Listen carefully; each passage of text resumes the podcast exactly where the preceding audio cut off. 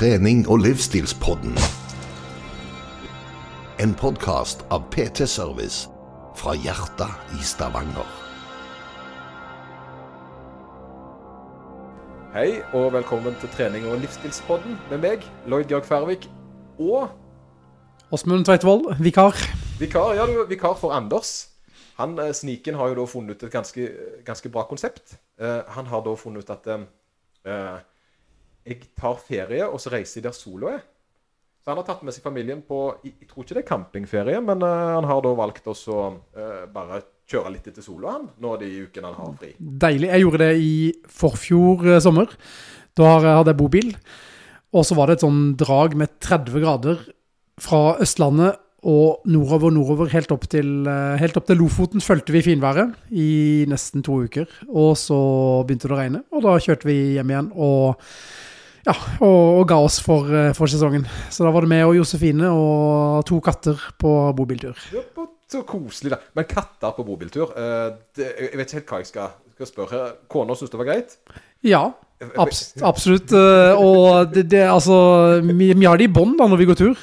Ja, du har det i bånd. Ja, for det var det jeg tenker. da. Det, så, så- ok, Både med katter og eh, koner, da, om du vil, så er jo de veldig sånn territoriale, trodde jeg. Eh, så jeg har hørt det. Dette er sikkert en sånn myte, eh, men at katter da skal være tre dager innendørs før de slippes ut en plass. Eh, kan det stemme? Jeg vet ikke. Eh, Du er sikker på ikke det er koner det gjelder? Ja, Nei, altså jeg tror eh, altså, Kattene våre er Off to a great start. Altså kattene våre de, de, de er innekatter, så de, de stortrives inne i bobilen. De har vært med på flere, flere turer. Og så, så ser jo folk litt rart på deg når du går tur med katt. Da. Eh, Ja, ja, men det skaper jo egentlig, egentlig det, det er jo litt positivt, nesten. Altså, for da får du jo på en måte noe å snakke om når du kommer tilbake til campingvogna. Stemmer det, og jeg gikk annet tur- tur opp mot Molden, som er et vanvittig fint eh, fjell opp med, ja, litt forbi Sogndal. Et av de fineste fjellene jeg har gått på. Og, Sogndal, det, det har jeg hørt om. ja. og da, da, da hadde jeg med meg, da hadde jeg med, meg med katten i bånd, da, og, og da, da gikk det en, en unge forbi, og, og han, eh, han kikket på meg, og så sa han at mamma, mamma, der, der går det en gal mann med katt. Det går en gal, Ja, for det, for det eh, du altså da har eh, på en måte tatt katten på, på fjelltur. Ja, ja, ja. ja. For, altså, det er jo litt sånn, Hadde du sluppet han løs der, og så Hva tror du hadde skjedd? Hadde han blitt på en måte kongen av eh, Sogndal? Nei, jeg tror han hadde fulgt etter. Han, Han hadde etter. vi har liksom, eh, de, de er ganske store, de kattene mine. De er, de er våre. De er main Maine Coon. Så de er jo sånn 7-8 kilos eh, katter med mye muskler og ser litt sånn gaupe ut. Men, eh, men de er ekstremt nervøse for eh, andre dyr. Altså, Tiger, den eh, eldste av de, han så en, eh, en ku når vi var på den samme turen, og, og han lå og gjemte seg på gulvet liksom i to timer etterpå. Ja, men det, det kan jeg, jeg kan respektere det, altså. Eh, altså vet ikke, Det hadde blitt en elefant for oss, da. Eh, og, og, og som sagt, uh, veldig koselig at du kom. Takk, takk. Uh, ja, jeg har jo da fått satt, Det som er fordelen med å ha en podkast sjøl, det er jo det at en har lov til å snakke litt om hva en ønsker. Også når en har det veldig gøy, så kan en da på en måte gjøre sånn som nå. Jeg satt og så tenkte Nå var Anders ikke her denne uka heller. Hva skal jeg gjøre? Skal jeg ta og spørre noen? Og så hadde jeg noen sånne tanker om noen som jeg hadde litt lyst til å spørre. Men så tenkte jeg jeg hadde det veldig gøy sist. Veldig gøy med Åsmund. Og så er det et tema som jeg har så lyst til å snakke om, som du og da i tillegg passer perfekt på. da. Nå er det jo mange temaer vi kan snakke om, eh, men akkurat, eh, akkurat dette er vel noe som både du har eh, erfaring og eh, som skolær eh, utdannelse på. da. Ja, altså det, det temaet som vi skal snakke om, det er jo der jeg, det er jo der jeg skriver eh, doktorgraden min eh, om. Så det, det er jo et tema som, som jeg brenner veldig for, som jeg så vidt nevnte, nevnte sist gang. Så ja, det, det er egentlig et av de altså Kanskje det mest spennende temaet av, um, av de alle. Uh, rett og slett fordi at det er det vi, det er det vi alle egentlig trenger. Kanskje ikke i den ekstremutgaven som, eh, som jeg og du søker, men eh, men i en eller annen form så trenger vi det som du, eh, når du sendte melding i, Ja. i går, så, så kalte du det hybridtrening. Eh, Jeg liker å kalle det concurrent training. eh, Ja, det er jo litt fancy. det er litt fancy. Men, men litt av grunnen til at jeg sier hybrid, bare for det sagt, det er at det er jo et lite sånn trending word på TikTok. Og, og det var litt det som slo meg, da. At den måten meg og deg trener på, concurrent trening, som da er, jeg vil si er den faglige varianten på det, som ser det som, eh, det er blitt litt uh, poppis. Um, og, og, uh, og, da tenkte jeg at ja, men så kult at noe en allerede gjør, Mm. har fått en liten sånn en. Og, og det tror jeg jo litt av mange grunner at dette er spennende. Det er jo ikke fordi at jeg på en måte skal tvinge folk til å gjøre det, men det er litt for oss å forstå litt for de som gjerne kommer inn og ikke har spesialisert seg helt ennå. Det, det, er Mm. noen som Uh, driver med f.eks. styrkeløft og hører på Sjås. Det er ikke noen grunn til at en skal begynne med akkurat dette bare fordi vi snakker om det. Men, men du, hvor mange av oss er det egentlig ikke som har, har liksom funnet ut at det her er veien å gå? Altså, jeg og du har gjort det, Frode Rui har gjort det. Han har jo vært i verdenstoppen i, i, eh, i styrkeløft, og, og begynte vel deretter med langrenn og, og løping. Altså, Frode eh. Rui er jo et unikum. Ja. Jeg, vet jeg må bare snakke, kan jeg snakke litt om han? Ja, ja, selvfølgelig. Uh, altså, nå, jeg har ikke truffet han, uh, men jeg har prata litt med han på, uh, på sosiale medier etter hvert. og han var jo litt av på en måte den uh, altså Han var jo Når jeg begynte med styrkeløft, så var jo det et navn som, uh, som runga, da. Uh, og han er kjent for kjent for å være ganske analytisk, men også veldig sterk. og veldig, han er veldig flink til å sette seg sånn systematisk inn i det han holder på med. Men det han har fått til, er jo han har vunnet Om han ikke har vunnet VM i styrkeløft, så har han iallfall vært farlig nær. Løfta godt over 300-350 markløft. Um, og samtidig så har han i andre enden så har han løpt 10 km på under 40 minutter. I, i 50-årene, vil jeg merke. sant? Bare for å få det inn. Og nå har han da gått over da, tilbake til, til styrkeløft. Vært med og vant VM for veteraner nettopp. Så har han begynt med håndbak. Uh, dette er innenfor to år. Uh, vant VM i håndbak. sånn at du liksom Så skjønner du at dette her er jo en maskin, da. Uh, og, og, det er klart at han løper litt underveis. Han springer uh, ikke så mye lenger. Jeg tror det er snakk om 10 km i uka. Mens han da dreiv og, og så løfta 250 pluss knebøy, 300 pluss markløft, altså. Husker, uh, husker treneren til Blackpool, han, han skulle beskrive Cristiano Ronaldo. Han sa ok, han er jo uh, altså, en av verdens kjekkeste menn. Han er, han, er, um, han, er, han er, gift med en Miss Universe-kandidat. Uh, han, tjener hundrevis av millioner i, i året. Han uh, altså bare lista han opp, og, og han sa My only hope is that he's hung like a hamster. jeg, vet du hva? jeg, jeg jeg sitter med info. Uh, ikke personlig, men uh, Jeg sier ikke noe om det. Så, men, så uh, jeg skal ikke si det er det han er kjent for. Men, men, men, altså Er det her pga. sånne sosiale mediesamtaler dere har hatt, eller nei? Nei, ikke meg han. Men nå føler jeg at de på en måte er veldig tynne i seg. Men de har vel vært med på noen banketter opp gjennom. Okay. Så om det Fantastisk. No, nok om det. nok om det. Nå, nå snakket jeg selvfølgelig om uh, han uh, fotballspilleren, da. selvfølgelig. ja, de, de, går mye på bankett. Ja, men, men, ja, det ja, ja. Jo, men, men for å ta tråden litt tilbake, så, så ja, altså det, det, det, er jo flere av oss som har liksom innsett at, at, at man egentlig trenger litt begge deler. Og hvis man da er litt sånn som både Frode Rui er, og, og er, og du er, så er det jo sånn at hvis vi gjør ting, så, så liker vi å gjøre ting litt skikkelig.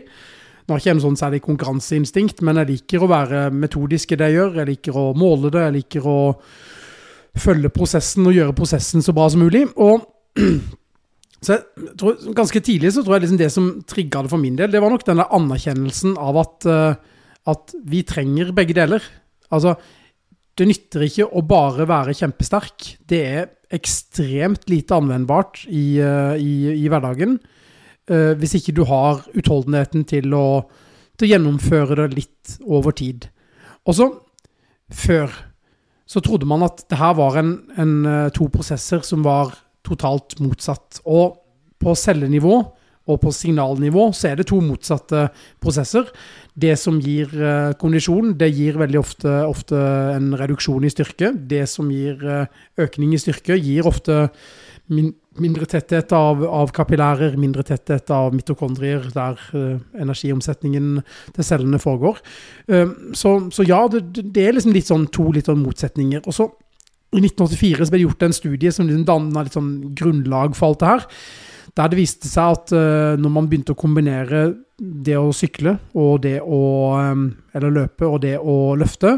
Så gikk det i noen få uker, tre uker, og så var det krasj, og så ødela de bare for hverandre. Og særlig så var det kondisjonstreningen som ødela for uh, styrketreningen.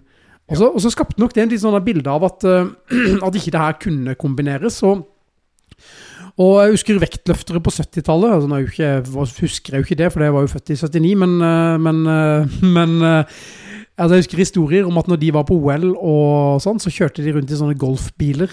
Fordi de, for guds skyld, ikke skulle bevege seg og ikke skulle omdanne noen av disse hellige type 2X-muskelfibrene, disse eksplosive fibrene, til eh, type 2A eller eh, gud forby type 1-fibre som bare er seige og ikke kan løfte fort. Jo, men, men, er det sånn nå at vi har tre sorter fibrer, eller har det ikke blitt på en måte man, har, man, har, mange flere, men, ja. men, med sånne fargekoding som man bruker, eh, man tilsetter som væske, og så ser man at de her endrer farge, så, så, så, så grupperer man det grovt sett i type 1.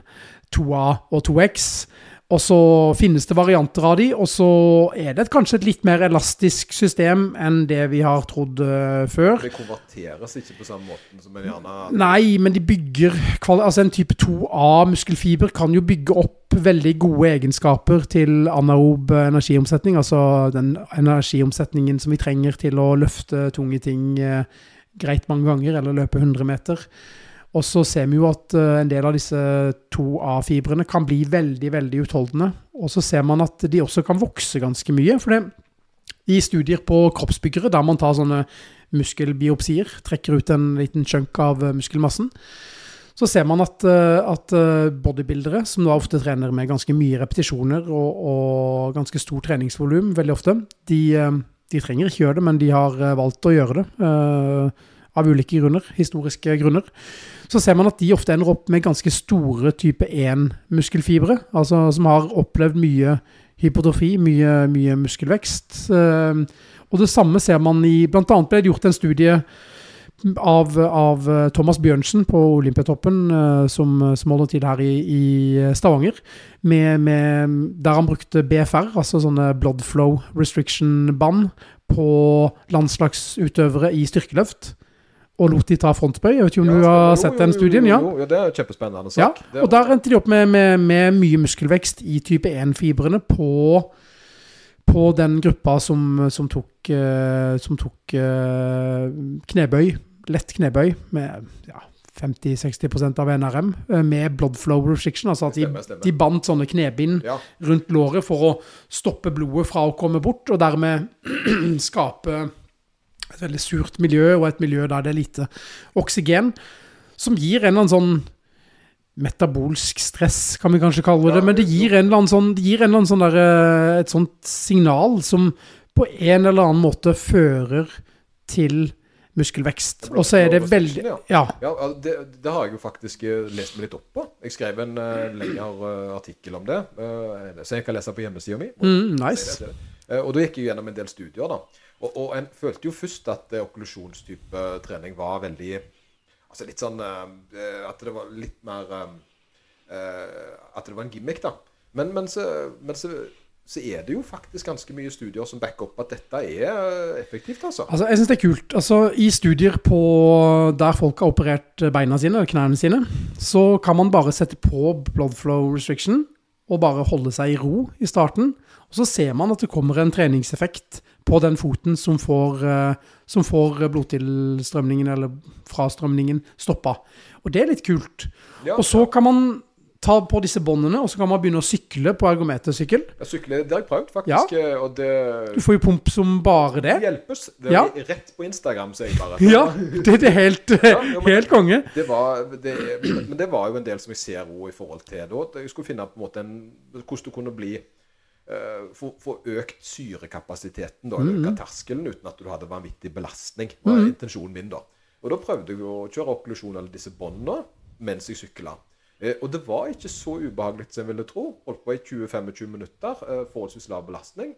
Eh, og, og, men du så på en måte hvor Nå har jeg såpass lav fettprosent at jeg kan se blodårene, hvordan de jobber. eh, Og det var skremmende. Og du ser at her er, det, eh, her er det en prosess, altså. Naturlig å tenke at det fører til bedre kapillarisering av, av vevet, altså mer sånne hårnålsårer kan kanskje komme av det her, og det har antageligvis noen effekter. Det er, sånn, det er et, litt sånn, et litt ferskt tema ennå, selv om vi har visst om det lenge. Det kommer jo fra japansk treningskultur med noe som heter katsu. Katsu, ja. Og i, i Japan så er det egne sånne katsu-gym. Eh, faktisk. Ja, Det er kult. Egne gym der de har eh, katsu-timer, og de kaller det for katsu. Eh, fikk være med oss og sette på en sånn forretningsmodell på det. Ja. Eh, og jeg tenker sånn at eh, litt av problemet med det, det er det at eh, til og med styrkeløftere som er skada, sliter med å gjøre katsu-trening jevnt. Mm. Uh, det er effektivt, men det er den her med den der eh, bompengeprinsippet, da. Ja. Det koster for mye mentalt Ja. å gjøre det over lang tid. Ja, det, gjør det, det, gjør det, det, er ganske vondt, det er ganske painful, og du får veldig motiverte utøvere til å gjøre det. Jeg gjør det sjøl. Jeg, det- jeg har jeg har alltid hatt sånne bånd, det har jeg hatt kjempelenge i mange år. Og så brukte jeg det ikke så veldig mye. Og så var jeg på en sånn uh, høstkongress i idrettsfysioterapi uh, for noen år siden. Og så kom jeg over noen sånne airbands, sånne som eh, du styrer med app. Oh, ja. Så da bare tar jeg de på, og så trykker jeg på knappen, og så velger jeg det trykket som jeg vil ha. Og så stiller den seg automatisk inn på det trykket, og reguleres opp og ned etter hvert som det trengs, sånn at jeg kan få perfekt trykk. Ja, For du ønsker å ha liksom sånn 40 lukking, sånn at eh, blod fremdeles kommer til, men ikke kommer det, ut. Vil ha likt eh, hver gang, sant? ja. Eh, For det, og så er det jo en sleppo sånn som for meg, da. Det var det at jeg har jo ikke lyst til å skrive det inn i treningsprogram. Nei. Fordi det er jo jeg som må surre det, sant? Ja, stemmer det, stemmer det, Det stemmer jeg som må stå der og surre det rundt armene. Men de airbands-sakene, geniale. Funker, og det gjør at jeg bruker det mye mer. Jeg bruker det jo mest på typisk eh, isolasjon, da, sånn typisk eh, armøvelser, og muligens også leg extension, eh, lårkøl, sånt. Men det er flere ting som er spennende med det her. Den ene er jo at du kan velge mellom å ha det på i pausene eller når du jobber. Begge deler gir effekt. Ja, der, ja. Kjempespennende. Det er dødsspennende. Jo, jo, ja, det er spennende. Ja. det der. Den andre tingen er at du kan bare ha det på en periode, og så gir det kanskje noen av den, den effekten uten at du trener. For- Det gjelder, det gjelder særlig utrente. Jeg tenker sånn Vi ønsker jo her å eh, Spesielt yngre, da. Og det er jo litt det som er greia. Det er at um, Litt av temaet er gjerne hvorfor gjør vi dette?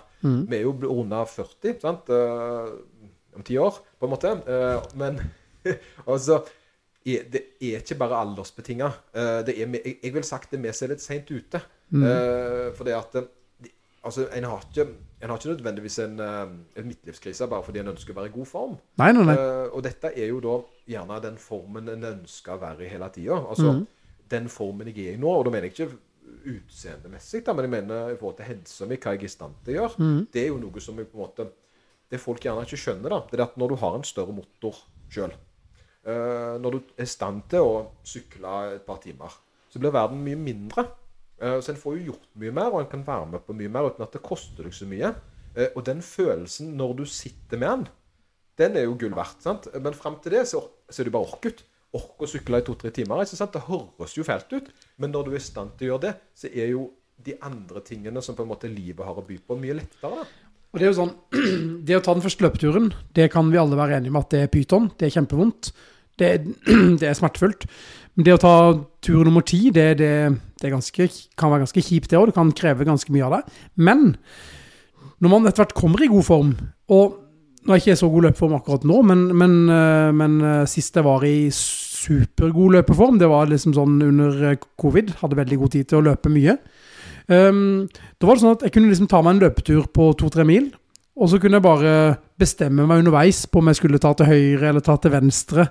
Altså, da er liksom løpingen bare en sånn mental prosess. Det er nesten en slags eh, yoga. Det, det, krever, det krever ingenting av meg. Og det å løpe, det å løpe et greit tempo en greit tempo fordi man er i god form, eh, ender opp med bare å være en, en helt sånn behagelig mental sak. Ja, altså Du jobber gjennom dagens prosesser altså mentalt. da. Og det, jeg, jeg, skjønner så godt hva du sier, fordi jeg vet når, den dagen jeg forelska meg i løping uh, og, og Det var altså Det er to ganger uh, jeg innså at jeg ikke var en løper ennå. Det ene er ja, det å Jeg vil ikke varme opp til løping, fordi da måtte du løpe mer.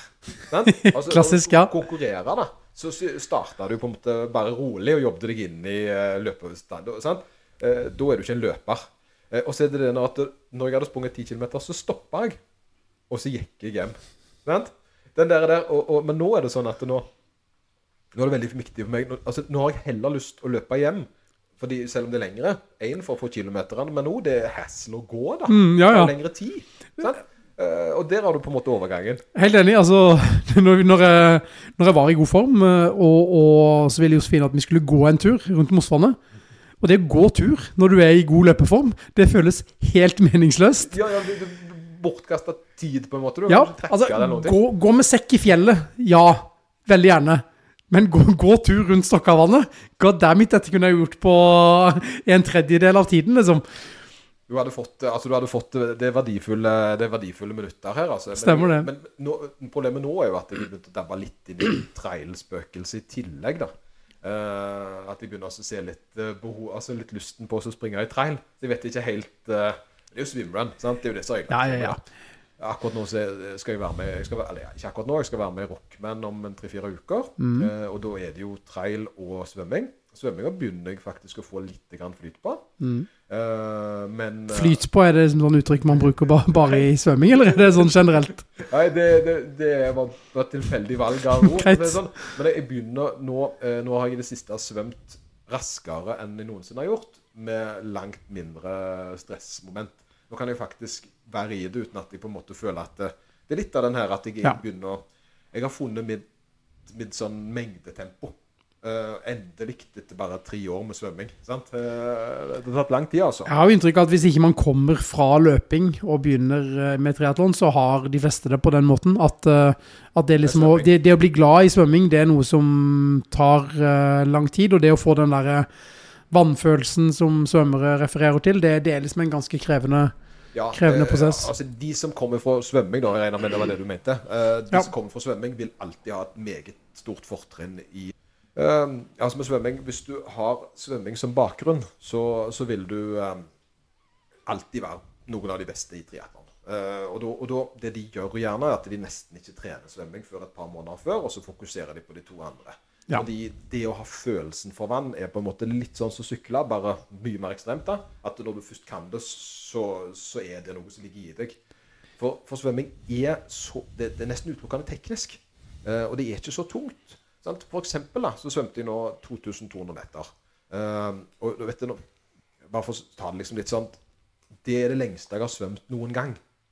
Eh, sånn i ett strekk. Jeg har svømt 6000 meter fordelt over ni etapper når jeg var med i konkurranse sist. Men 2002 er jo lenger enn et Ironman, på en måte sånn eh, halv-Ironman, da.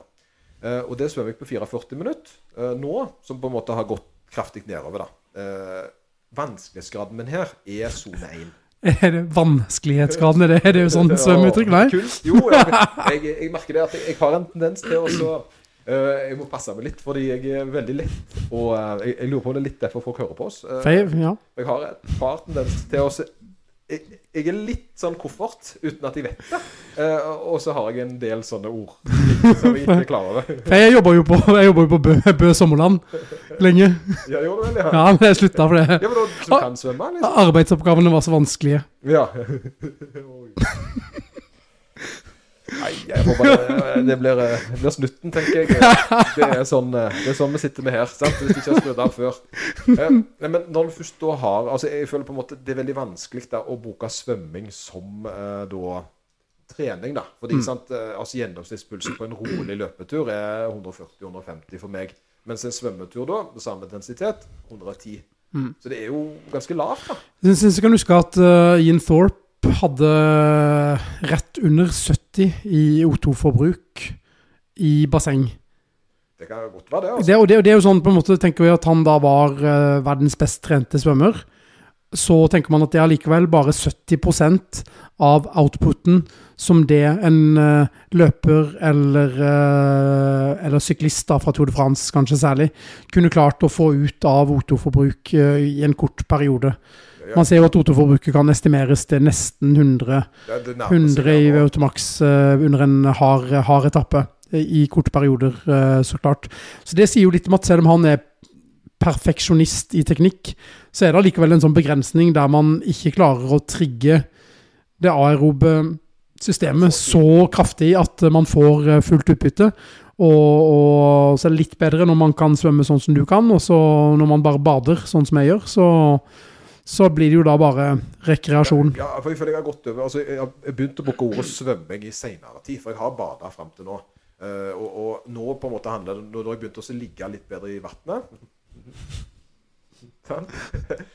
og det som det, det som det innebærer, er at det jeg trenger egentlig å jobbe med nå, er eh, posisjoneringa Ja. mellom hvert og sånn uh, drag. da. At Det handler ikke så mye om at de skal ta i mer. For det skal være lite sprut på hvert drag, ikke sant? Det er riktig, det? Nå har jeg eskalert helt. Nei, nei, men seriøst. Det er en måte man ser det på. At, Ja, eh, ok, ok. ja. Jeg, har ikke hørt det før. Men, men det skal uh, Altså, det handler veldig om Veldig om at jeg ikke skaper eh, backdrift, eller drift. da. At jeg er, er såpass i vannet at det ikke er noen ankermomenter som bremser opp. At hodet ligger på en sånn plass at jeg ikke har Altså jeg har minst mulig flate som presser imot vannet, samtidig som jeg bruker mest mulig uh, av eh, areal til å skubbe ifra med hvert uh, Hva blir det? Strøk? mm, ja, altså, stroke? ja. Stroke at the medium pace. Men, men det er artig du sier det, for jeg har en kompis som er tidligere svømmer, og vi prata om det her i, i helgen.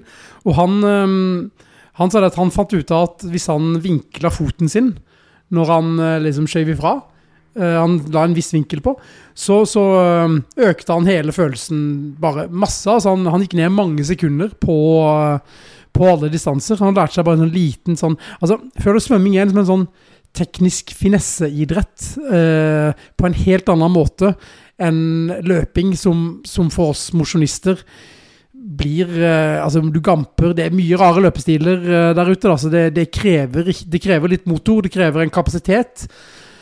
Og så er ikke det tekniske eh, nødvendigvis eh, så optimalisert hos eh, de fleste av oss. Jeg- jeg- Det kan jeg kjenne meg igjen i. Akkurat det er jo det som har vært med svømminga. Det er jo det også at beina synker, og at hvert strøk ikke på en måte har vært riktig i forhold til det å skape momenter.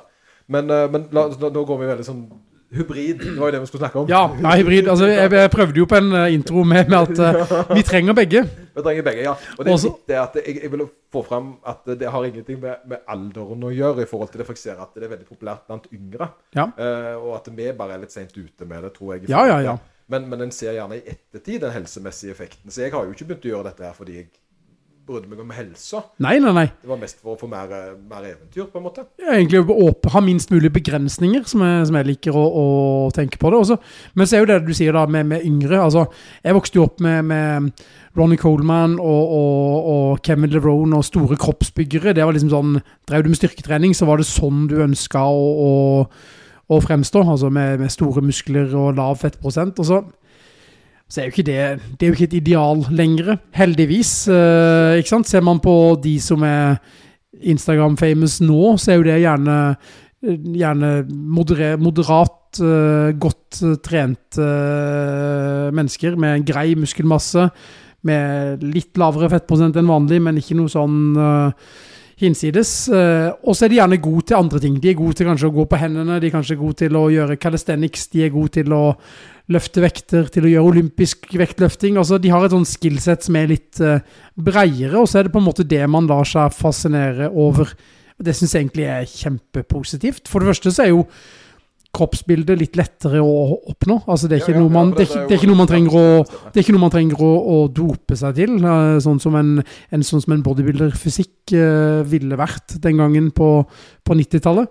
Jeg trodde jo at bare hvis jeg, hvis jeg tok ZMA før jeg la meg og sto opp midt på natta og tok en kaseinshake og, og, og tok en kraftig vitaminpille med, med, med ekstra mye vitamin C på morgenen og gjorde alle tingene riktig, så, så ville jeg jo bli eh, som Ronny Coleman, bare ikke så brun.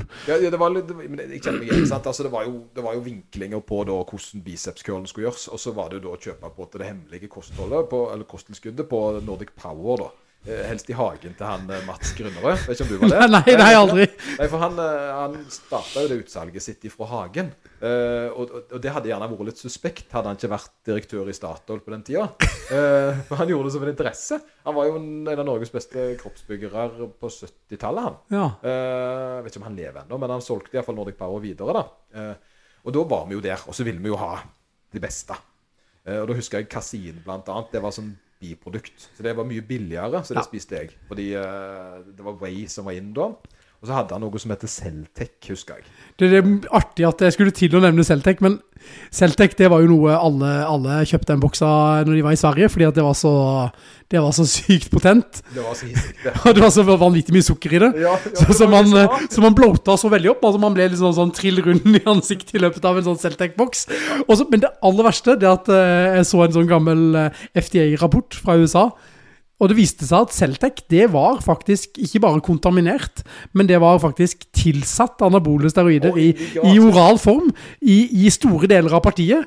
Så, så hvis du var heldig den gangen på, på, på 90-tallet, Lloyd, så, så fikk du i deg noen, noen russere i samme slengen som Det var eh, det virka da, for å si det sånn. Altså, eh, litt av greia, eh, det var jo det at jeg, jeg, jeg brukte den boksen, og jeg husker jeg gikk opp 2-3 kilo på en uke, sant? Eh, og, og så visste jeg jo ikke hva innholdet var. Og så ble, jeg jo, så ble jeg jo utdannet, jeg gikk jo næringsmiddelteknisk fagskole, seks års utdannelse innen da næringsmidler. Jeg har jo litt erfaring innen, eh, innen det da.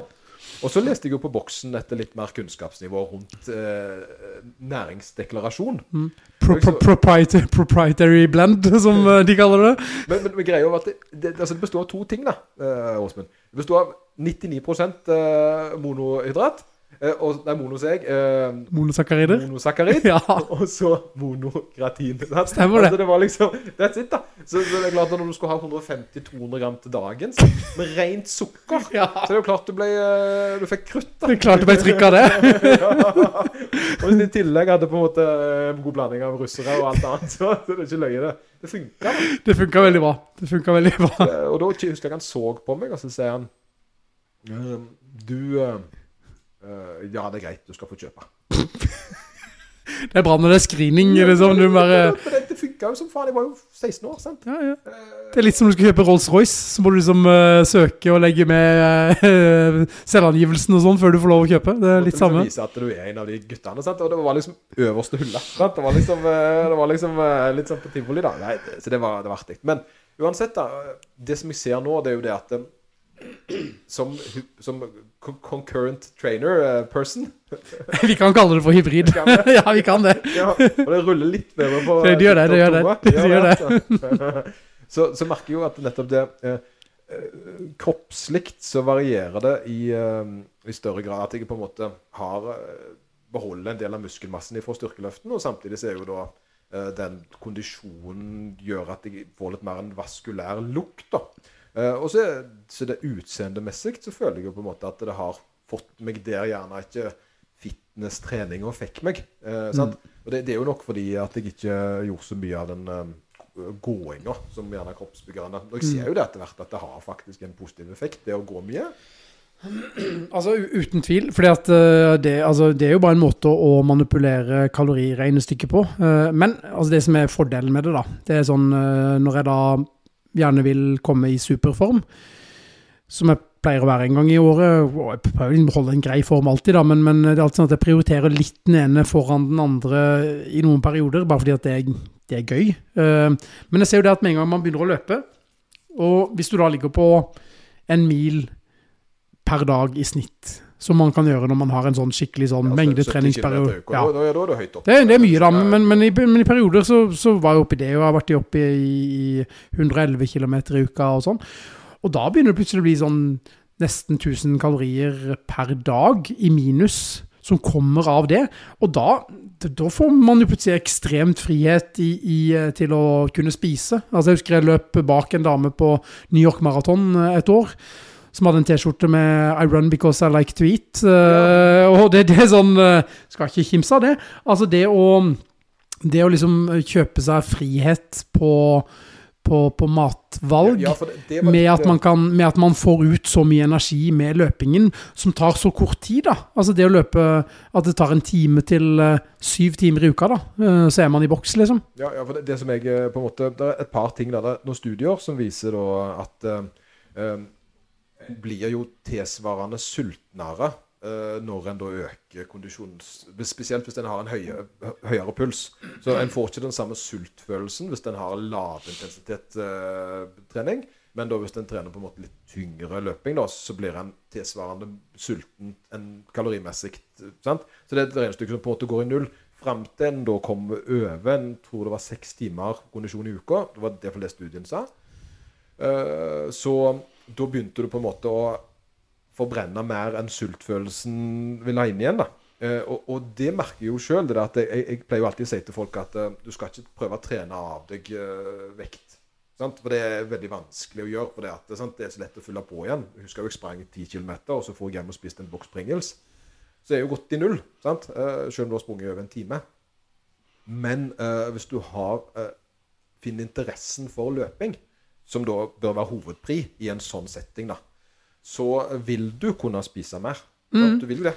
Du, du vil, også er det sånn, altså De har gjort en studie på NTNU som er veldig bra på akkurat det. Der de så på De lot uh, noen mennesker gjennomføre en, uh, en, treningsøkt med 600 kalorier. Altså en kondisjonsøkt på 600 kalorier. Og så ble de bedt om å si hvor mange kalorier de trodde de hadde forbrent. Og da trodde de jo gjerne sånn 1000 kalorier. Og så ble de bedt om å spise sånn at de kom i null igjen. Og så endte de opp med å spise ja, øh, nærmere 1000 kalorier, da. Altså den mengden øh, så godt de var øh, mulig for de å, å anslå det. Så, så, det ser ut som at man har en grov evne til å overestimere hvor mye man har forbrent på det man har gjort, og så kompenserer man med mer mat. Og så kan det være en sånn der belønningssak. Eller det kan være noe som er styrt av grelin og, og andre sånne hormoner som, som styrer hvor sultne vi er, og hvor mye mat vi har lyst på. Så er det noen studier som er gjort på, på high intensity interval training, sånn ordentlig høy intensitet. Sånn 30 eh, sekunder all out-løping. Eh, og der ser man det motsatte. Der ser man at man har mindre lyst på mat etterpå. Ja. Det gir nesten en sånn uh, kvalme, på en måte, da, der, man, der, man, blir litt uh, av det å ønske seg, ønske seg mat. Så ser det ut som at det er en sånn der, eh, liten lapskaus i midten, da, der man løper på, på ja, rundt terskel et sted, der man nok blir litt uh, ekstra sulten når ja, man er ferdig. Ja, og Det er litt den der regnestykket der som er at uh, øker en aktivitetsnivå, så øker en jo sultnivået. Ja. Altså, har en jobbet hardt på arbeid en dag, så er en jo sultnere. Uh, men da, det som jeg tror, da, det er at Nå har jeg hjulpet en del folk med kost. Og litt av problemet ofte folk har, det er at de har gjerne veldig stillesittende livsstil. Eh, både gjerne, Og i tillegg en stillesittende jobb, som gjør at de får veldig lite steg inn. Så er det 2000-4000 kroner, nei, kroner steg, steg i, uh, i, til dagen. Og, og det som problemet deres er gjerne det at um, mengden kalorier de forbrenner, sant? Så de ikke er så store, da. At de er gjerne litt sant? Det er damer på gjerne 70 pluss kilo. Uh, som ønsker å gå ned fem, hun, hun, forbrenner ganske lite fordi aktivitetsnivået hennes er såpass lavt at uh, porsjonsstørrelsene som er vanlige, kan være for store. Mm.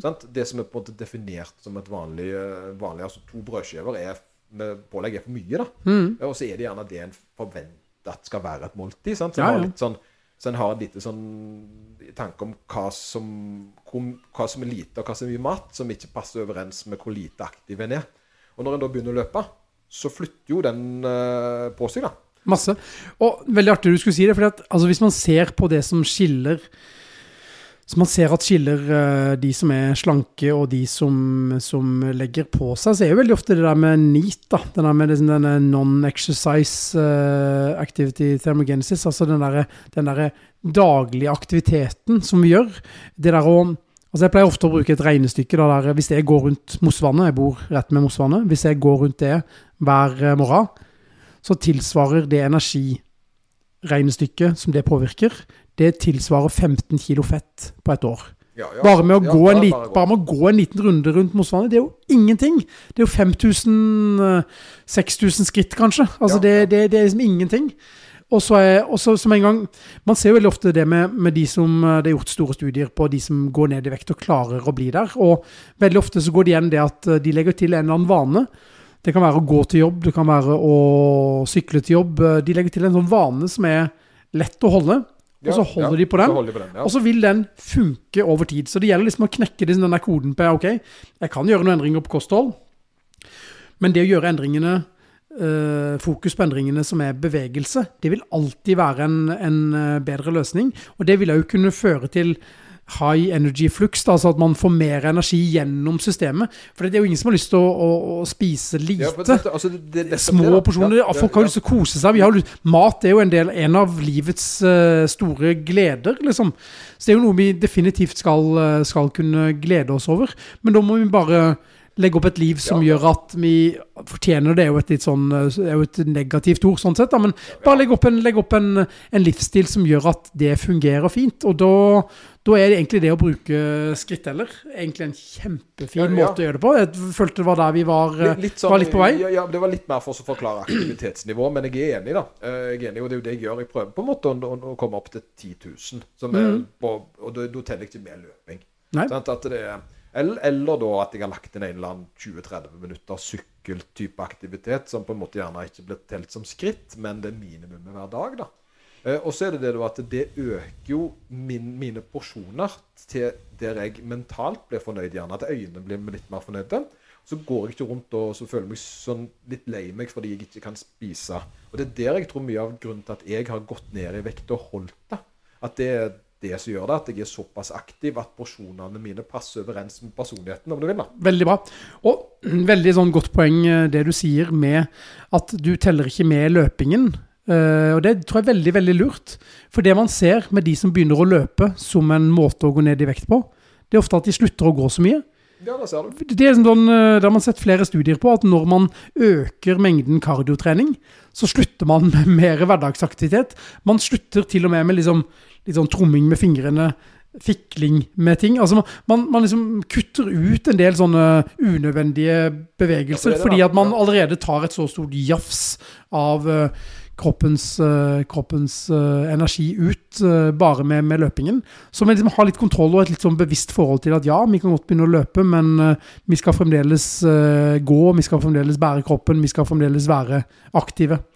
Jeg det. Det, det, er litt det også på en måte jeg føler jeg får igjen av denne hybridtreninga.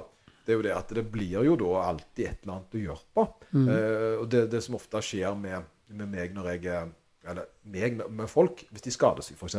Nå, jeg, sant? nå har jeg fått meg en smell i akilles. Eh, og det betyr at jeg ikke kan løpe de 60 km jeg vanligvis gjør. Eh, og, og det ville jo vært et mye større problem om jeg ikke da hadde hatt alternativer. Eh, og som hybrid så er det jo da OK. Nå er det sånn med akilles. Jeg, må liksom styrke og trene den, og så prøver jeg da ned til gjerne 10-15 km i uka. Men så har jeg da gjerne treningstiden er like, like lang. For det, da har jeg økt svømmetreninga, og så har jeg økt sykkel, syklinga. Det det som er mindre belastende i forhold til det, har jeg da økt. Og så har jeg på en måte en balanse som gjør at jeg da fortsatt holder på en måte treningslivet mitt da. Det er jo et sånn kjempeprivilegium. Altså jeg elsker jo å trene. Altså Jeg gleder meg jo hver morgen, så står jeg opp tidlig.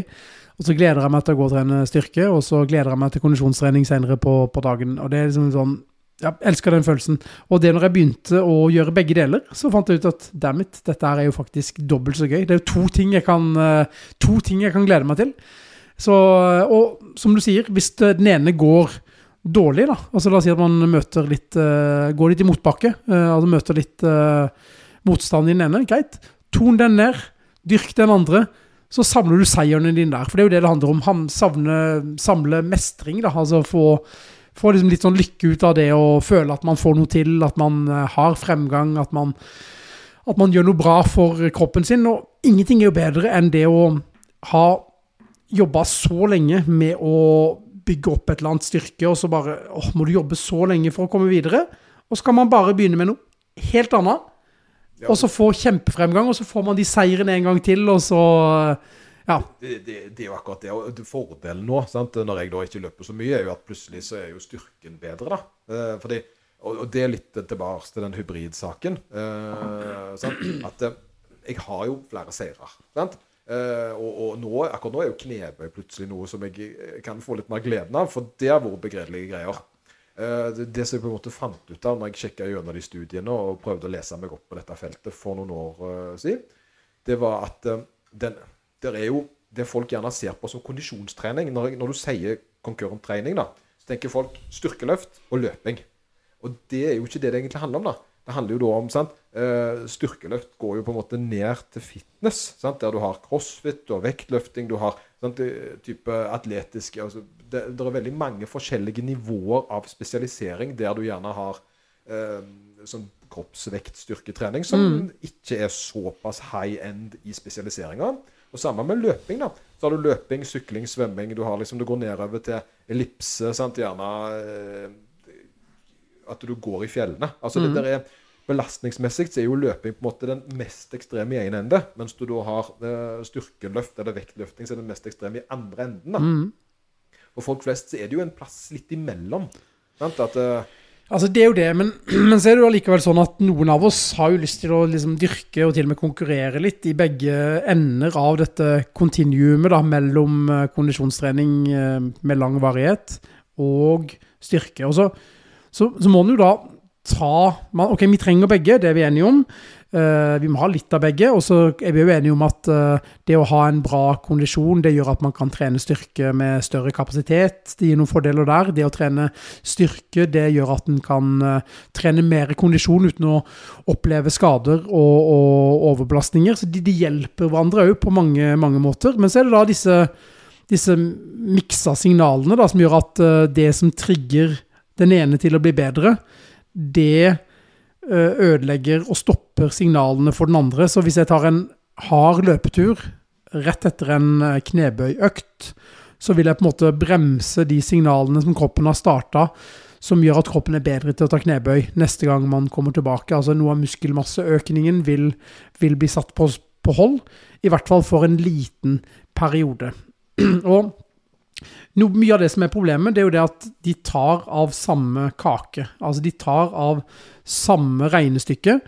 Når jeg trener styrke morgenen, tømmer beina for eh, glykogen, påfører uh, små skader i muskulaturen, så er det den samme muskulaturen som jeg skal bruke til å løpe med seinere, og da vil den ikke være så fresh, den vil ikke kunne løpe med samme intensitet. Løper jeg før en knebøyøkt, ok, da kan jeg ikke bruke samme belastning.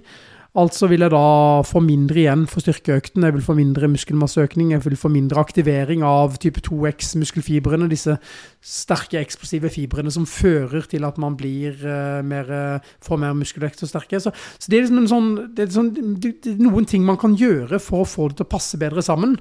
Og du sa det med sykling og løping og, og ellipse og sånne ting, og der er jo dessverre løping er liksom den største synderen.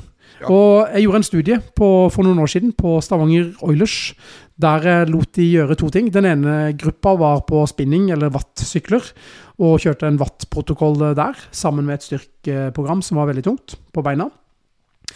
Og så den andre gruppa, den løp, men jeg lot de løpe i motbakke. Og det som er lurt med å løpe i motbakke, det er det at det fører til mindre muskelskade. Mindre slag, rett og slett. Ja, rett og slett mindre hamring av muskulaturen i forsidelår. Det er den eksentriske bidraget. Det er når låra må bremse. Det er det som gjør at restitusjonstiden blir lang, og det er det som gjør at kroppen ikke får lov å utvikle så mye kraft i beinøvelsene etterpå. Så med å løpe altså Alle har gått ned fra et høyt fjell en gang og opplevd at låra har vært helt knust. ikke sant? Til og med da jeg var i maraton, supergod maratonform og gikk i fjellet. Første fjellturen alltid kjempestøl pga. all den muskelskaden som kommer av å gå nedover. Men det får man nesten ingenting av med å løpe oppover. Så da fant vi i den studien, så visste vi faktisk at, eh, at eh, motbakkeløping hadde akkurat samme positive effekt eh, fra et concurrent synspunkt som det å kjøre sykkel. Så med andre ord, motbakkeløping det kan man gjøre ganske mye av hvis man er styrkeløfter, for du har noen styrkeløftere som følger med. Så motbakkeløping det er den enkleste formen for eh, trening som de kan legge inn i programmet Altså av sitt. For, løping, da, av løping, for å begynne å bli eh, Ja, så må man jo løpe. Det er jo løping som er gøy. Ja. Eh, det, det er jo det som er tingen. liksom. Jeg, jeg, jeg er litt sånn, jeg, jeg ser det som jeg på en måte jeg, Hvis jeg skulle valgt for en styrkeløfter, da, hva han skulle trent hvis han ikke på en måte skulle være den hybride varianten som jeg snakker om her, så er det øh, å kjøre på med type assault bike og romaskiner. Skulle til å si det. Assault bike, førstevalget mitt for en, eh, for en eh, atlet som eh, virkelig må tviholde på, på styrken. Som ikke har råd til å miste noe av styrken. Helt enig. Og det, er litt sånn, bare for å ta Jeg vil name-droppe en studie, på en måte, da. Eh, så er det Jeg fant en som var litt spennende, som du sikkert kan forklare. Eh, men det var da en, eh, en løpestudie der de da testa eh, hvor mye av muskelfibrene som var aktivert eh, i tror quads, eh, under løping. Eh, og prosentmessig her så var det litt spennende. For det at eh, du gikk over 100 eh, på ekstremt da maks eh, sprint. Og, og det høres jo ikke mulig ut. Eh, men hva vil du tro at de konkluderte med årsaken til det var? Jeg regner med at det var en EMG-måling, altså en sånn, eh, en sånn eh, Selvfølgelig. selvfølgelig. Ja. Det var, så det var jo ikke kvaliteten på studien. Var, Nei, nei, altså det, det, for det er jo den beste måten vi kan måle, måle akkurat muskelaktivitet på. Og da vil jeg jo tro at eh, den trøttheten man akkumulerer, fører til at, at man må At man kanskje er nødvendig at man øker fyringsaktiviteten, altså fyringsfrekvensen på signalene som går til muskelen, noe. Uh, det, det, det vil jeg jo tro er en del av det, men, men det som på en måte jeg, det de fant ut her, det var det at det er en springeffekt i muskelvevet. ja. Og vi, ja, hvis, definitivt. Og hvis man ser på, på Muskelvevet har jo en sånn, eh, noe som heter titin, som er en sånn uh, tynt filament, uh, altså tynn tråd, som ligger inni muskelen, som fungerer som en fjær.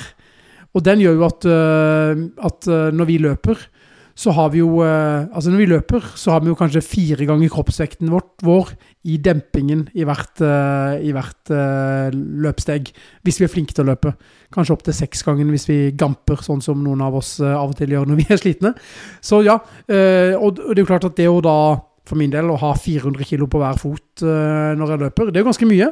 Men så har kroppen en god evne da, til å absorbere energi og, og spare på den og frigjøre den. Altså at vi går fra å ta en uh, elastisk energi som da blir til en kinetisk energi, eller en sånn uh, bevegelsesenergi. Ja, og det er jo det en gjerne når får den løpeøkonomiske eller ergonomiske løpeteknikken, da, så vil en jo på en måte bruke veldig mye av det som går inn. Det vil jo gå ut igjen. Og hva øker løpeøkonomien aller mest? Er det å legge til mer løping, eller er det å legge til styrketrening? Jeg, jeg tipper, sier du sier det sånn, styrketrening. Ja, Ja. styrketrening har nesten en magisk effekt på, på løpsøkonomi. Og, og det, må, det måler man sånn som Jeg har sånn VO2max-utstyr. ikke sant? Sånn Man løper med sånn maske og måler hvor mye oksygen eh, musklene forbruker. Og da, Hvis du trener styrke, så løper på f.eks. 12 km i timen, da, så ender man opp med å bruke langt mindre oksygen på å løpe på den gitte hastigheten når man har trent styrke i en seks til åtte uker. Er ganske kult. Eh, Du får altså bedre prestasjon, og så ser man jo ofte at man blir mindre utsatt for, eh, for skader. Ja, ja. Det, for det er jo igjen studie. Eh, hvis du trente aktivt styrke hamstring, eh, så hadde du opptil 50% mindre skaderisiko i hamstring. Eh, og det også styrketrening nå. Og det var faktisk en av spørsmålene som jeg fikk uh, ut ifra sist, uh, ut ifra episode. Så var det en som lurte litt på hvordan vi ville gjort eh, styrketrening i forhold til en som skulle drive på med maraton. Ja. Eh, og, det, og det vil jeg bare, sånn, for den har jeg tenkt litt på den, når jeg svømte. Så tenkte jeg litt på hva maraton er. Sant? Fordi eh, eh, maraton er dobbelt så langt som et halvmaraton. Sant? 21 km, 42. Eh, og, og da er det litt sånn OK. Uh, det er litt intetsigende, føler jeg. Men jeg, jeg skal prøve å forklare litt en sånn tanke jeg har, hva et maraton er. Fordi et halvmaraton er ikke veldig imponerende sånn i forhold til gjennomføringsevnen når du har trent en stund. Det vil si at du kan løpe et halvmaraton uh, og klare å restituere ganske greit, tenker jeg. Altså Da mener jeg sånn at du kan etter hvert begynne å trene i de lengdene der, og, og trene mer dagen etterpå. Men når du begynner å nærme deg maraton, så er ikke det en distanse folk flest klarer å trene uten at de trenger tid for recovery. Eh, og da tenker jeg sånn i forhold til styrkeløft, da, så ser jeg for meg at eh, et halvmaraton det er ca. 100 kg knebøy. Eh, 100 kg knebøy eh, det er noe som de aller fleste får til hvis de trener aktivt. eh, mens et maraton vil da være 200 kg. Mm, ja, det tror jeg er en fin og, begge, og begge deler krever mer spesialisering, altså det som skiller treningen løpemessig, da. eh, på en halvmaraton til en maraton.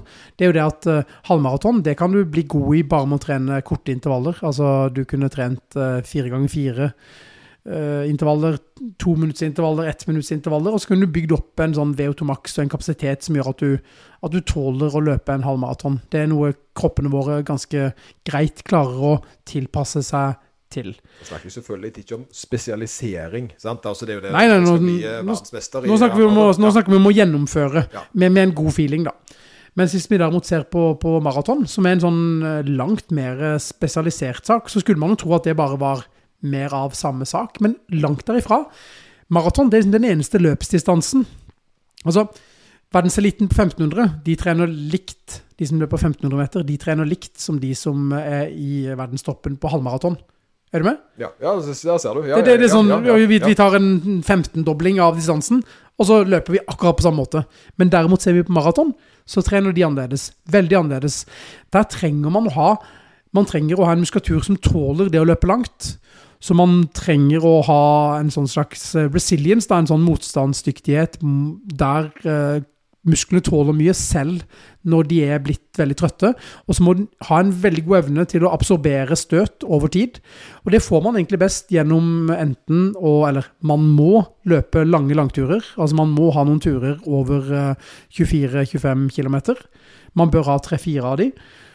Ja, i opptreningsperioden. I opptreningsperioden, ja. Eh, men 3-4 kan være nok, og den lengste trenger ikke være lenger enn 28-29 28 km. Ja, ja, sant. så den trenger ikke være så spesifikk.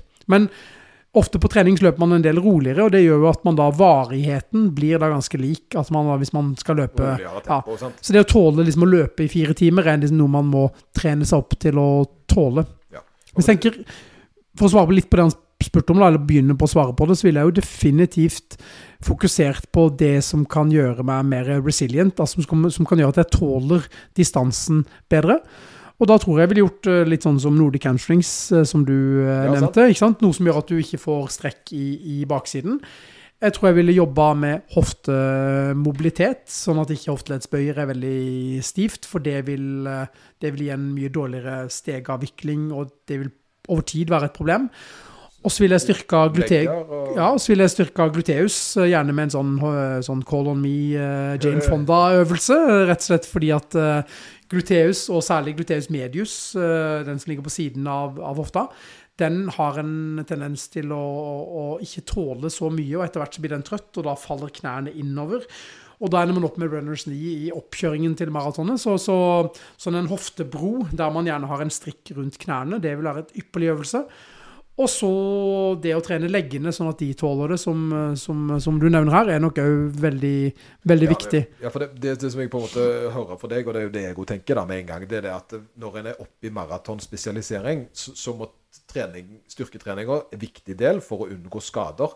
Men når en er kommet opp til maraton, så kan en ikke på en måte være Da da kan ikke styrketrening og være spesialisering maks eh, og løfte tyngst mulig. Det bør på en måte være en eh, Det bør være mer med tanke rundt da maratonet som en skal utføre. eh, i, I forhold til gjerne et halvmaraton eller kortere distanser, der du kan trene litt mer styrkeretta. Ja. Altså jeg tror, jeg tror at du kan, du kan nok kjøre ganske, ganske lave reps og sånn relativt tunge kilo. eh, Men du må tilpasse det til der du er i treningsuka. Da. Du gjør ikke det med veldig slitne bein. Og så Min erfaring da, fra, fra det å løpe maraton og, det- og det å løfte relativt tungt samtidig, er det at uh, det liksom å ha fokus på bevegeligheten og bevegelseskvaliteten kanskje er det aller viktigste. da. At eh, det å f.eks. Jeg kjørte mye gående utfall, mye utfall bakover med ekstra range of motion. Ting som gjorde at jeg liksom følte at jeg var eh, myk og fleksibel. Fordi som løper så blir man litt sånn eh, Altså man, man blir litt sånn litt stiv, da. Altså man eh, litt, ja, for det, det merker jo. altså Mobiliteten eh, i underkroppen spesielt er jo blitt dårligere. Og, og, det, og jeg har akkurat samme tanken som deg her. at uh, jeg tenker med en gang litt mer fokus på énfotsøvelser, der en Mm. har mer støtteapparat, enn da gjerne sant, eh, at det blir litt mer ja, litt, mer, litt mer spesialisering. Ja, så fokus på det som kanskje ikke får så mye juling når man løper maraton. Altså, øh, man har jo sett maratonløpere, de har jo kanskje ikke de mest spretne rumpene. Eh, Det tyder på at ikke gluteus er så veldig aktiv. Det ser man jo at idet man begynner å løpe fortere, så øker muskelaktiviteten i rumpa med sånn fire-fem gangen, ikke sant. Eh, Så, så med å løpe mye seint, så, så, så kan det være en fordel å, å trene en del eh, gluteus, altså rumpe. brukes jo mye i løping uansett. Det er jo det som er greia, sant? men det brukes gjerne på en litt annen måte. Ja, den brukes veldig, med veldig lav belastning. Da, veldig lav. Man aktiviserer ikke disse type 2-fibrene i så, så stor grad, fordi motstanden er liksom ikke stor nok. Ehm, Men, men det grunnen til at du sier det, er vel fordi har du en sterkere eller større rumpe, om du vil, da, uh, så vil den være mindre på prosentbelastning. At Ja. den vil egentlig bare ligge og kose seg. Ja, det, det, det vil han gjøre. Og så vil det være lettere å løpe motbakke, for der øker jo bidraget. Og du vil ha en litt finere, lettere for å holde en fin teknikk. Uh, pluss at det å ha en sterk rumpe og en sterk uh, utside av rumpa, altså gluteus medius, vil antageligvis minke sjansene for at du får en overbelastningsskade Ja, av å løpe mye. Og det, og det er jo Altså, for la oss si for en, eh, for en Ingebrigtsen, da, eller en som er på høyt nivå, eller en som løper veldig mye, så er det på en måte liksom, skal man bli veldig god, skal man bli bedre, skal man ha kontinuitet i det, og det er enten det er maraton eller styrkeløft, så er jo kanskje det viktigste at man faktisk tåler å gjøre det man gjør, og at man eh, legger opp til å tåle det man gjør. Ja, må rett og slett tåle kapasitet og volumet en holder på med. Jeg føler at mange av de som kommer i verdenstoppen i styrkeløft nå, de blir det fordi de tåler å trene så hardt, Ja. så mye. Eh, Enten pga. kontinuitet, eh, at de har over lang tid bygd opp en veldig stor base, eller at de eh, naturlig har en eh, kropp som er veldig snille på vinklene. Da. Så, Ja, ja. Altså, det er logisk hvis du har på en måte vet ikke om det er lov å si, men en asiatisk type kroppsbygning du ser i vektløfting. Mm. Den optimale der lang overkropp, korte bein. Det gjør jo at når du er godkjent dybde i knebøy, så, så, så vil du på en måte ha mindre vinkler. Mm. Eh, og, og gjerne der har mindre belastning eh, på ledda. litt juks, kan man nesten si. Ja, vi sier juks. Vi sier juks. Spesielt siden jeg er motsatt skuddsammen sjøl. Da må jeg jo eh, kanskje nevnt det før, men, men da må jeg nevne Daniel Stisen, som jeg trente en, en periode, en kroppsbygger fra Mandal, som, eh, som hadde relativt korte, korte lårbein. eh, Og det gjorde at han var helt oppreist når han tok eh, knebøy. Og han tok jo altså, fem reps på 305 kilo eller et eller annet sånt. Altså, sånn ja, fantasitall Ja, det- som da bare så helt irriterende effortless ut. Ja, og så teknisk pent i tillegg. Ja, ikke sant? For det, det, det er jo litt med det at når du har en sånn fysikk som på en måte har litt lengre lårbein og alt det greiene der, så ser det heller ikke så pent ut. Samtidig så må jeg nok regne med at belastningen er høyere, altså. Er jo Klart den er eh, høyere, ja, ja. Altså kraften som Altså, det er jo klart at hvis en måler antall uh, newton som trekkes sammen i en lårmuskel når man har uh, korte lårbein, så er jo det kanskje kan det fort være halvparten av, uh, av dine litt lengre lår må utvikle for å løfte samme, samme mengde. Altså, det er jo bare biomekanikk, det er bare vektarmer osv. Så, videre. så Så verden er urettferdig. Verden er urettferdig. Men heldigvis så har det jo vist seg at det er én perfekt type kropp i idrett, helt til den motsatte type kroppen vinner. ja, stemmer det. Jeg synes jo, jeg bruker alltid Kristoffer Eikeland som et eksempel der. Fordi han var jo på et tidspunkt Norges beste markløfter i styrkeløft, og Norges beste benker. Mm. Eh, Ja, ja. Den, eh, den må jeg si, den, den er mandig. Ja. Det er få som på en måte klarer å toppe den. Han, Pleier å være to motsetninger, akkurat det. han hadde jo lang, har lange armer, Ja. men likevel godt over 200 i benk, både på i 105, og eh, 300 og eh, masse, masse i markløft. Så, så det var liksom de to tingene. Han var jo ikke dårlig i bøy heller, men han hadde norgesrekord Ja, ja, ja. i de to. Så han var best i landet i de to forskjellige. Og det, det er litt sånn litt sånn hybrid. Da. Ja, ja. Og for liksom bare å komme inn på hybrid igjen da, altså la oss si at hvis man nå skal, eh, hvis man nå blir motivert av å høre det vi har pratet om, så tenker jeg jo at uh, man da først og fremst må begynne rolig med det, den delen av treningen man ikke gjør. Altså hvis du er løper eller triathlonutøver og tenker at å, styrketrening høres jo veldig fornuftig ut, så bare begynn forsiktig nok. Bare la det være en sånn der rolig transition-fase. Og hvis man, er, hvis man er styrkeutøver, så begynn å trene kondisjon, men gjør det litt eh, gradvis. For det er i den overgangsfasen der den treningsformen er en ny treningsform. Det er der du er mest utsatt for skader. Det er der du er mest utsatt for at eh, det blir for mye for eh, systemet. Og det er der du vil føre altså Hvis du skynder deg langsomt, så vil du kanskje ikke merke så mye på prestasjonen, men hvis du skynder deg, så vil du kanskje oppleve at du begynner å tape mye styrke, og at du da blir demotivert og slutter pga. det. Så hvis du bare liksom kan ta liten nok dose altså Det kan være egentlig å begynne bare å sikte på å gjøre 10 10 000 steg til dagen, 15 000 steg til dagen. Så kan det være å løpe 1 km eller uh, kjøre to drag på, på, på romaskinen. Og så hvis du bare liksom klarer å lage en sånn langsiktig progresjon uh, der, litt sånn som man gjør med, med styrketrening, og ta med seg samme mentaliteten der, at det skal være gradvis tilvenning, så kan det rett og slett bli uh, veldig moro. Ja, for det, det, det, jeg tror vi kan på en måte legge litt inn i akkurat denne delen av poden. Nå begynner vi å runde fint inn i, i, noe her, men da er det jo det med restitusjons som er sak. Som, for det, det, som ofte eh, skjer når folk begynner å øke aktivitetsnivået sitt, er jo at de har økt behov for nettopp restitusjon. Eh, og når du er sliten, så fungerer ikke ting like bra. Og dermed så kan en gjerne oppleve at det ene påvirker det andre negativt. Mm. Men når en er klar over det, og at det er en sånn en fase som, som en må gjennom, så er det jo mye lettere å, å svare på. da. Mm. Det er jo for eksempel, altså, Grunnen til at jeg løfta øh, 500 totalt på øh, det forrige stevnet, det er jo ikke fordi jeg har trent meg opp til å bli så sterk. Det er fordi at øh, etter jeg begynte å trene kondisjon, så har jeg gått ned der til. Sant? Så jeg har jo på en måte akseptert at nivået mitt er lavere eh, som ren styrkeløfter. Men det jeg kunne gjøre etterpå, som jeg aldri har kunnet gjort før, det er jo det at etter jeg tok 500, så løpte jeg 15 km samme dag. Litt for at jeg måtte få tilbake ego på en eller annen måte. Men, men eh, det vil jo påvirke negativt spesialiseringa. Ja. Og så Ingen blir verdensmester i begge deler, men, men, eh, men jeg tror jo det at hvis man Hvis du planlegger godt, da La oss si at man begynner å tilføre løping eller sykling. Og så tar man da bare i den fasen man gjør det, så tar man rett og slett og skrur ned styrkeprogrammet sitt også. Og så bare begynner man på et nytt uh, treningsprogram med en sånn lineær uh, progresjon, f.eks., der man begynner rolig. Og så kan man egentlig bare bruke de første ukene, da, tre-fire ukene, på å trene lett, kose seg. Kanskje trene litt mer sånn kroppsbyggeraktig hvis man vil gjøre noe helt annet frem til liksom, den kondisjonstreningen har blitt tilvendt til kroppen. Og så kan man gå tilbake igjen til, til litt reinere styrketrening. Det vil, det vil, være en mer sånn behagelig ja, tilnærming til det. Selv om jeg vet at det er så å si umulig for, uh, for en styrkeløfter å møte opp og ikke løfte uh, benkmarkbøy hver mandag, onsdag, fredag. En vil jo merke uh, på, på, på, ganske fort akkurat det at det går ikke. Ja. Og, og, det er jo det Treningene mine er jo nettopp sånn at det er i sesong. Altså den sesongen jeg er akkurat nå, er det jo swimrun-sesong. Før det så var det jo triatlonsesong, og før det så var det styrkeløftsesong. Mm. Og det, det, må jeg jo gjøre fordi jeg er nødt til å dele opp spesialiseringer i ett av de. Mm. Men først så har jeg jo trent opp basen. Mm. Jeg har f.eks. ikke trent intervaller på veldig, veldig lang tid.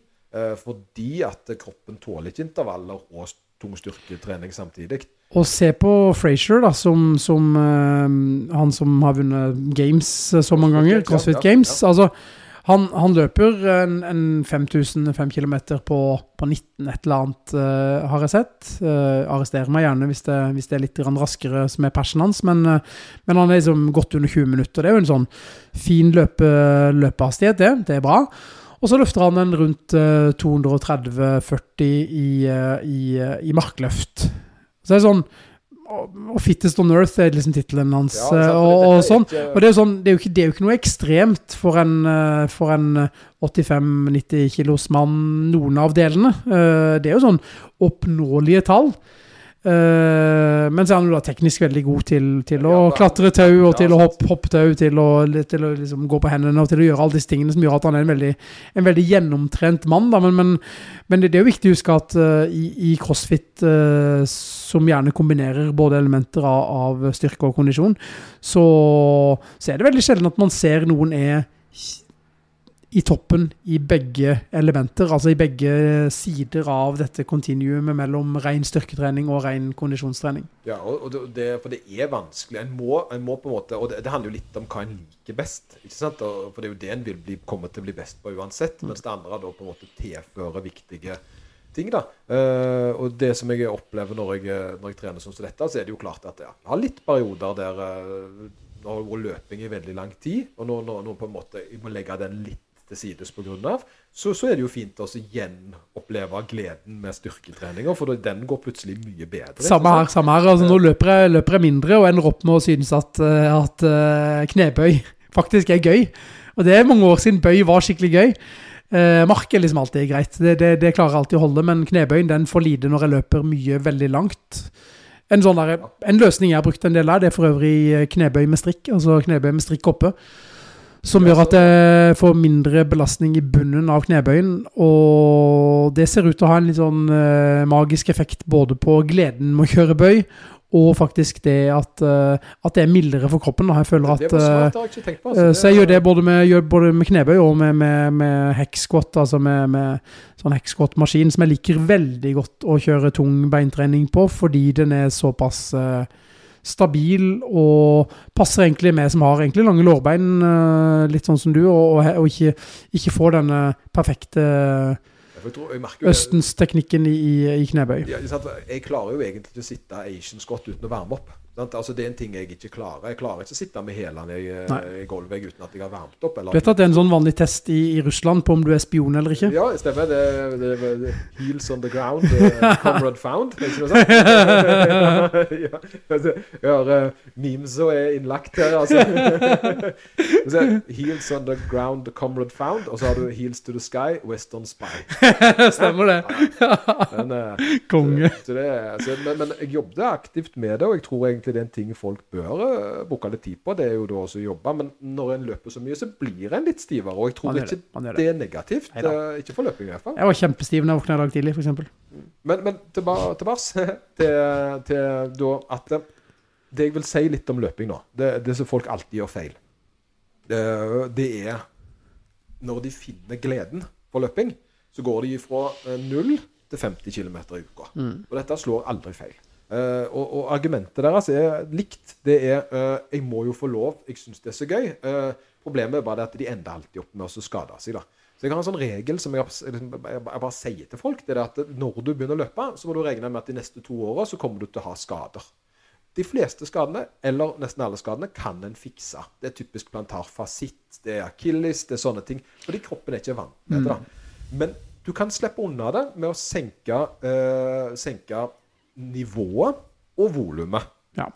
Jeg tror, det, altså, jeg tror synderen blant de uh, mosjonistene, da, eller blant oss mosjonister Altså Nå har jeg hatt både plantarfasitt to ganger, jeg har hatt uh, runners knee to ganger. Uh, jeg har hatt uh, Ikke hatt vondt i akilles, faktisk. Der slår du meg. Men, eh, men jeg har hatt, eh, hatt mine runder med, med, med skader. Og, og jeg, jeg loggfører jo all trening, så jeg ser jo på måte, jeg kan lett gå tilbake og se hva er det som har gått galt her. Og i eh, alle de tilfellene som jeg har hatt skader som har vært overbelastningsskader, så er det én ting som går igjen, og det er for mye løping på medium hard intensitet. Altså det er for mye lapskaus, for mye åh, nå begynner jeg å komme i form. Jeg bare løper litt fortere i dag også. Så gjør jeg det tre dager på rad, og så har man starta en eller annen prosess som gjør at det er vanskelig å hente seg inn igjen, og så begynner man å bli litt vond, så tar man ikke hensyn til det, for man er jo så godt i gang, og så, og så er det gjort. Så, så, så liksom det der med å polarisere treningen, altså det der med å gjøre 80% av treningen på et, eh, på et rolig nok nivå Hvis man er flink til det, så kan du tillate deg å øke mengden relativt Ja, ja. eh, mye, hvis du er flink. Og det innebærer ofte å gå og løpe, gå og løpe, gå og løpe på langturene. Eh, det innebærer ofte å bytte sko, ofte, ofte lurt for, av samme, samme, samme grunn. Og så liker jeg da å ha intervallene ikke i denne VO2 max-intensiteten oppe med mm, over 90% men veldig gjerne på, på litt sånn lav terskel, altså der man har løpt 1000, km, 1000 meter, og så føler man at man kunne løpt eh, 500 meter til i samme tempo uten at man hadde syntes det var pyton. Altså, du løper på en måte raskt, men uanstrengt.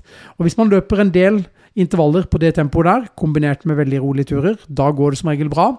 Løper man de intervallene der man åh, jeg må ha fire blank på dette, denne 1000-meteren også, jeg biter tenna sammen jeg, og drar litt ekstra til med høyrefoten sin, venstrefoten begynner å bli litt sliten, og da ender man opp med skader. Ja. Så intensitetsregulering, akkurat som vi snakka om sist gang, med, med løftehastighet og med, med, med liksom det å ha reps i reserve. Altså Tenk reps i reserve, meter i reserve, minutter i reserve. Altså Styr intensiteten med huet på, på løpinga, og så er det en venn du kan ha med deg i, i evigheter. eh, Ja, ja, men Det er jo utrolig hva du faktisk er i stand til å tåle hvis du bare er smart nok til å holde igjen. Mm. Og det er jo det, Jeg har jo sprunget 60 km i uka. sant? Uh, jevnt over, holdt intensiteten lav. Og feilen jeg gjorde, var jo akkurat det du beskrev nå. Sant? Men da kom jeg ut ifra uh, trailrun, denne swimrun i Alpene. Og så skulle jeg bare eh, høre på klokka, som syntes at det var lurt å høre på intervaller. Og så ble jeg med tilfeldigvis på et halvmaraton. Distansen i og for seg var ikke noe galt, men intensiteten var nettopp i den sonen. 16 km inn i den løpeturen der, så begynte det å bite. Eh, og det er klart, grunnlaget la jeg på den tunge konkurransedagen, og så ble det for mye provosering på det jeg gjorde etterpå, da. Og eh, altså, jeg vet at Jon Nikolaisen eh, Nå kan han gjenta en sitatsjekk på akkurat det, men jeg tror han sier at eh, tre uker egentlig skal være så å si fri da, fra harde turer etter uh, maraton. Han som er trener i, i GTI. Uh, og litt av problemet er at etter en maraton som er vellykka, der man har fått det bra til, så er man egentlig i kjempeform. Altså, man er egentlig sånn kondisjonsmessig et, et beist. Altså, man er i dødsgod form. Uh, men så er det liksom en del av denne trøttheten som ligger i, i kroppens vev, i muskler og sener, den varer kanskje da i tre uker før den er helt fint. Og det er klart det, hvis du da trykker pedalen ned mens du er i god form, løper noen terskelintervaller eller ved automax-intervaller, Ja, så det var unødvendig. så Det var- mange, ja, ja. mangedobler du sjansene dine for å, for å skade deg. Og det kunne gått bra, for all del. Det kunne gått bra, men det gjorde det ikke. Og sannsynligheten for at det kunne gått bra, var selvfølgelig eh, der. Men der er det en prosentsjanse som en gjerne ikke egentlig burde gamble med, og dette burde jeg visst bedre enn. Det er vel det som er greia. Sant? Eh, En har lært lite grann, da. Men heldigvis så stoppet jeg med en gang det gjorde vondt, så jeg håper jo det at eh, jeg kommer til å eh, komme meg helskinna gjennom denne òg. Det er allerede blitt bedre. Skal ut og løpe litt forsiktig i dag.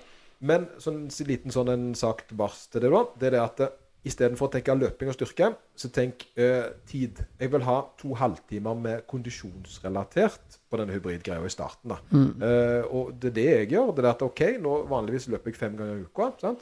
Eh, da bytter jeg ut de fem med ting jeg kan gjøre. Da er det tre rolige. Men der, der har du en sånn der nevne evne til å tilpasse deg som, som jeg tror du må vite at ekstremt få har. Altså, for jeg har jo fulgt treningen din på Strava i, i alle år nå. Og du er jo så ekstremt disiplinert i det der å holde igjen. Altså, du løper raske 10 km nå og er kommet i god 10 km-form. Og likevel så går du ut og tar 6-30-turen din på, på mandager, eller nå husker jeg ikke hvilken dag. Ja, eh, dagen. resten av uka. Ja, ikke sant? Så går du ut og tar den der rolige turen, og, og det er jo sånn eh, Det er jo noe, noe, noe som du må tenke på at det er jo veldig få som er så som er så eh, kyniske. Altså, det er litt sånn American Psycho over det, faktisk. Jo, ta- takk, takk, takk. jo, men, det, men det, det er jo dette jeg preacher. Og, og, og greia var at det var jo eh, i starten, når jeg på en måte skulle hjelpe folk med trening, så hadde jeg ikke tallene sjøl å vise til. Eh, Men nå har jeg jo etter hvert kunnet vise at ja, vet du hva, jeg har løpt en del bedre partier. eh, Og jeg har gjort noen ting som ikke alle får til. eh, Selv om treninga mi er sånn som den er. Eh, Og det hjelper fordi ja, jeg har jo alle studier i verden i ryggen, men ingen hører på det. Nei, det det. Og det er litt det jeg mener, at eh, alle må egentlig bare erfare sjøl. For det, det nytter nesten ikke hva du sier. Så, men, men hvis vi kan nå inn til noen få da, som faktisk bare tar, eh, tar det vi sier på alvor, og, og begynner å trappe opp rolig, så, så vil det gå bra. Ja, sant, der ser du. Og da jeg tror jeg jaggu vi har kommet i mål. Jeg. Eh, Veldig bra. Jeg skal bare ta den her eh, Ja. greia. Du ser jeg har en flott T-skjorte på i dag. Til bars, kan du eh, Vet du hva, har du fått med deg en bit av dette her, eller? Nei, jeg har ikke fått med meg det, men jeg ser jo at logoen er tilbake fra fremtiden. Det er tilbake. Ja, det for det er, jo, det er jo dialekt. Eh, Det er jo da til bars er jo et Karmøy-uttrykk som mm. betyr tilbake. Ja, Eh, og litt av greia var jo det at jeg ble jo da Jeg fikk jo først ganske mye hat på TikTok. Eller var vel egentlig noen som syntes at jeg gjentok meg litt ofte og sa akkurat det ordet såpass mange ganger at eh, de, de tok meg på det. Og så var ikke jeg klar over det sjøl. Så, så da fant jeg ut at når jeg begynte å høre, å høre litt på egne podcaster og lære litt hva, hva lyder er det jeg lager, og hva er det jeg gjør som er litt sant? Jeg må jo på en måte utvikle meg, da. Så hører jeg jo at nettopp dette ordet går jo igjen konstant. Så ble det jo på en måte en liten meme, og så fikk jeg da en eh, kompis av meg som er grafisk designer, til å lage denne logoen, da. Som er tilbake til framtida. og den, den har på en måte blitt en liten sånn greie, da. Så, så nå har jeg da lodda ut, og det har vært en del folk som har vært med på eh, konkurransen. Eh, og så Anders, da, han eh, faste, han eh, har da eh, brukt Googles random number generator, og så funnet ut hvem som eh, da vinner. Og da har jeg en Da har jeg en her foran meg. Skal vi se. Der. En T-skjorte. Vaskeekte T-skjorte. Som da My Life as Neon har vunnet. Mhm.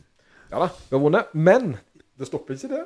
Det der, nå har jeg Gudsand og ikke, og ikke nok med det. ikke nok med det. Velkommen til TV Vest. Eh, Her er det bare jubel og kanari. Eh, Jeg, jeg tenker det at det er en til som skal få vinne i dag. Uh, og det, det er ikke du, Åsmund. Det er ikke du. Dammit. jeg har ikke størrelsen din. Jeg har ikke størrelsen din. Men Ekstra, ekstra medium.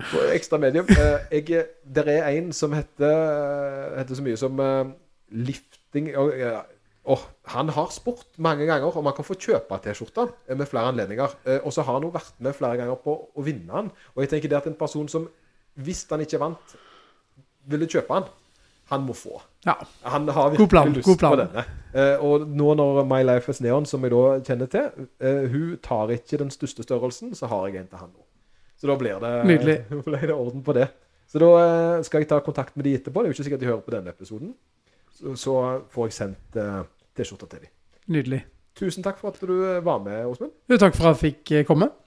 Kommer gjerne tilbake en gang senere. plutselig så dukker det opp igjen. Det, det rarere ting har skjedd.